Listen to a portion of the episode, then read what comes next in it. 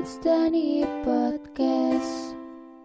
Halo Sobat Cilik, selamat datang di Kids Dani Podcast Di episode kali ini, Kak Aul bakal bacain cerita legenda nih buat Sobat Cilik semua Pasti pada gak sabar kan? Kalau gitu langsung aja deh Kak Aul bacain ke cerita legenda yang pertama di sebuah desa, hiduplah seorang perempuan tua bersama anak tunggal yang bernama Malin Kundang. Ia bekerja sebagai nelayan, namun penghasilannya tak bisa mencukupi kebutuhan mereka sehari-hari. Suatu saat Malin Kundang sudah mulai dewasa dan ia memutuskan untuk pergi ke kota dan mengadu nasibnya di sana. Dengan berat hati, ibunya pun mengizinkan. Kini ibunya kembali menjadi perempuan tua yang kesepian. Setelah kepergian Malin, ibunya menjadi sakit-sakitan. Sementara Malin tak pernah mengirim kabar untuknya. Hingga beberapa tahun kemudian, Malin berhasil mengubah nasib. Kini Malin tak lagi susah. Ia telah berhasil menjadi saudagar yang kaya raya dan juga memiliki banyak kapal. Malin juga menikahi seorang perempuan bangsawan yang sangat cantik. Suatu hari, Malin ingin melihat keadaan desanya. Sudah lama sekali ia tak pulang. Malin pergi bersama istri dan banyak pekerjanya. Ia juga membawa banyak uang untuk dibagi-bagikan kepada para penduduk di sana. Sampailah Malin di desanya. Dengan sombong, ia membagikan uang kepada penduduk di sana. Penduduk di sana pun sangat senang. Namun di antara mereka ada satu orang yang mengenali Malin, yaitu tetangganya sendiri. Tetangganya itu pun segera pergi ke rumah Malin untuk memberi kabar ini kepada ibu Malin. Ibu, apakah kau sudah tahu? Anakmu Malin sekarang telah menjadi orang kaya. Seru tetangga itu. Dari mana kau tahu? Selama ini aku tak pernah mendapat kabar darinya, ucap ibu Malin. Sekarang pergilah ke dermaga, anakmu Malin ada di sana.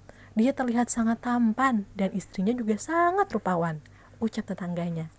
Ibu Malin tak percaya dan matanya berkaca-kaca. Sungguh ia sangat merindukan anaknya selama beberapa tahun ini. Ia pun segera berlari menuju dermaga dan benar saja, di sana terlihat Malin dengan istrinya yang sangat rupawan.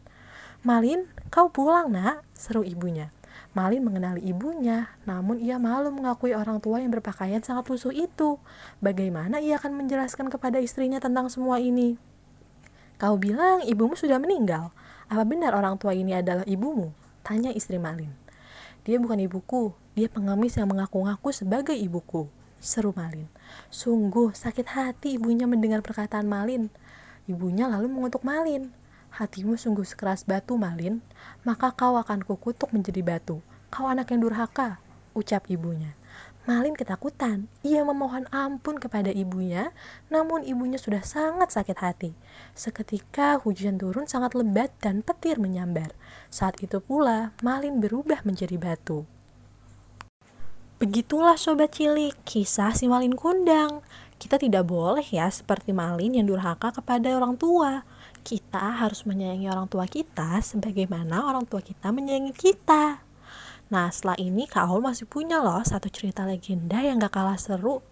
Yuk langsung aja kita dengerin. Pada zaman dahulu kala, di sebelah utara kota Garut, terdapat sebuah desa yang penduduknya kebanyakan adalah petani.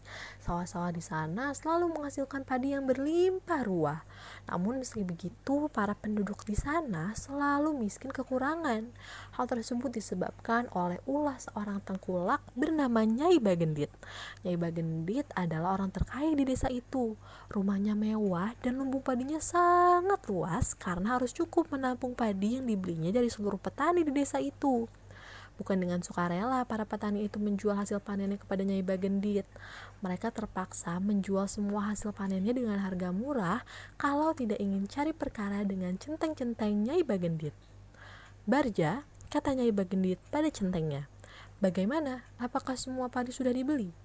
Beres nih, jawab Barja. Lumbung sudah penuh diisi padi, bahkan beberapa masih kita simpan di luar karena sudah tak muat.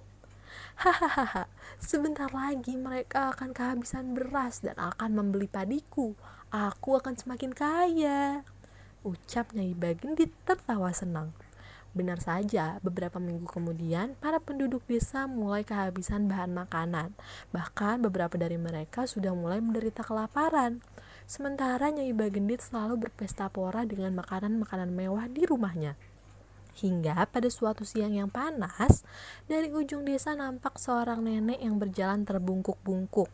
Dia melewati pemukiman penduduk dengan tatapan penuh iba. Hmm, kasihan para penduduk ini. Mereka menderita hanya karena satu orang. Sepertinya ini harus segera diakhiri, pikir si nenek. Dia berjalan mendekati seorang penduduk yang sedang menumbuk padi. Permisi, saya numpang tanya, di manakah saya bisa menemukan orang yang paling kaya di desa ini? Tanya si nenek. Oh, maksud nenek rumahnya Iba Gendit. Udah deket nih, nenek tinggal lurus aja sampai ketemu pertigaan, lalu belok kiri. Nanti akan terlihat rumah yang sangat besar, itulah rumahnya. Memang nenek ada perlu apa sama Nyai Gendit? Kalau nenek lapar, makanlah di rumah saya, tapi hanya seadanya, kata wanita itu. Tidak usah, terima kasih. Saya hanya mau tahu reaksinya kalau ada pengemis yang minta sedekah. Oh iya, Tolong beritahu penduduk desa lainnya agar siap-siap mengungsi, karena sebentar lagi akan ada banjir besar. Jawab si nenek. Wanita itu kaget. Nenek bercanda ya? Mana mungkin ada banjir di musim kemarau? Aku tidak bercanda, kata si nenek. Aku adalah orang yang akan memberi pelajaran pada Nyai Bagendit. Maka dari itu, segera mengungsilah, bawalah barang berharga milik kalian, kata si nenek.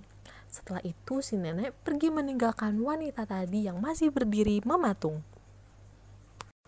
Sementara Nyai Bagendit sedang menikmati hidangan yang berlimpah, si nenek pengemis pun tiba di depan rumahnya dan langsung dihadang oleh para centeng. Hei pengemis tua, cepat pergi dari sini. Jangan sampai teras rumah ini kotor karena kakimu. Bentak centeng. Saya mau minta sedekah, sudah tiga hari saya tidak makan, kata si nenek. Apa peduliku, kalau mau makan ya beli, jangan minta. Cepat pergi sebelum saya seret, bentak centeng. Tapi si nenek tidak bergeming di tempatnya. Nyai Endit, keluarlah, aku mau minta sedekah, teriak si nenek. Centeng-centeng itu berusaha menyeret si nenek yang terus berteriak-teriak, tapi tidak berhasil. Siapa sih yang berteriak-teriak di luar? Mengganggu orang makan saja, ujar Nyai Endit. Hei, siapa kamu nenek tua? Kenapa berteriak-teriak di depan rumah orang? Bentak Nyai Bagendit. Saya hanya mau minta sedikit makanan karena sudah tiga hari saya tidak makan, kata nenek. Tidak ada makanan di sini, Cepat pergi, nanti rumahku kotor. Namun si nenek bukannya pergi, tapi justru menancapkan tongkatnya ke tanah lalu memandang Nyai Bagendit dengan penuh kemarahan. Bagendit, selama ini Tuhan memberimu rezeki berlimpah, tapi kamu tidak bersyukur. Kamu kikir. Penduduk desa selama ini kelaparan dan kamu malah menghambur-hamburkan makanan. Aku datang ke sini sebagai jawaban atas doa para penduduk yang sengsara karena ulahmu. Kini bersiaplah menerima hukumanmu. Kamu mau menghukumku? Gak salah nih. Kamu gak lihat centeng-centengku banyak. Sekali pukul aja, kamu langsung mati. Katanya Iba Gendit. Tidak perlu repot-repot mengusirku, kata nenek. Aku akan pergi dari sini jika kamu bisa mencabut tongkatku dari tanah. Apa susahnya mencabut tongkat? Tanpa tenaga pun aku bisa, kata Nyai Bagendit sombong. Lalu Nyai Bagendit mencoba mencabut tongkat itu dengan satu tangan, tapi ternyata tongkat itu tidak bergeming. Dia coba dengan dua tangan, masih tidak bergeming juga. Centeng, cabut tongkat itu. Awas kalau sampai tidak tercabut. Gaji kalian aku potong.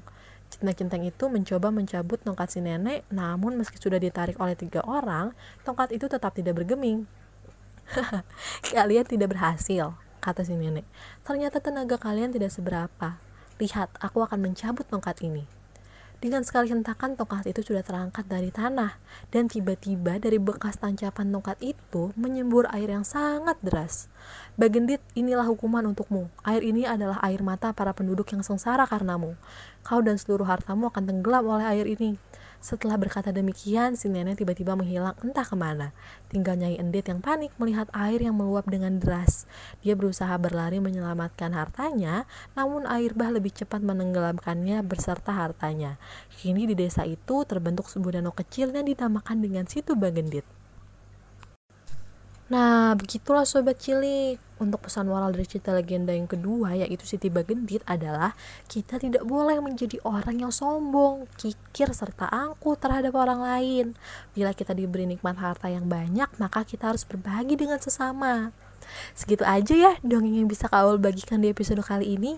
Semoga ada hikmah yang bisa Sobat Cilik ambil dari cerita-cerita yang udah Kaul bacain ya. Sampai jumpa di episode selanjutnya Sobat Cilik.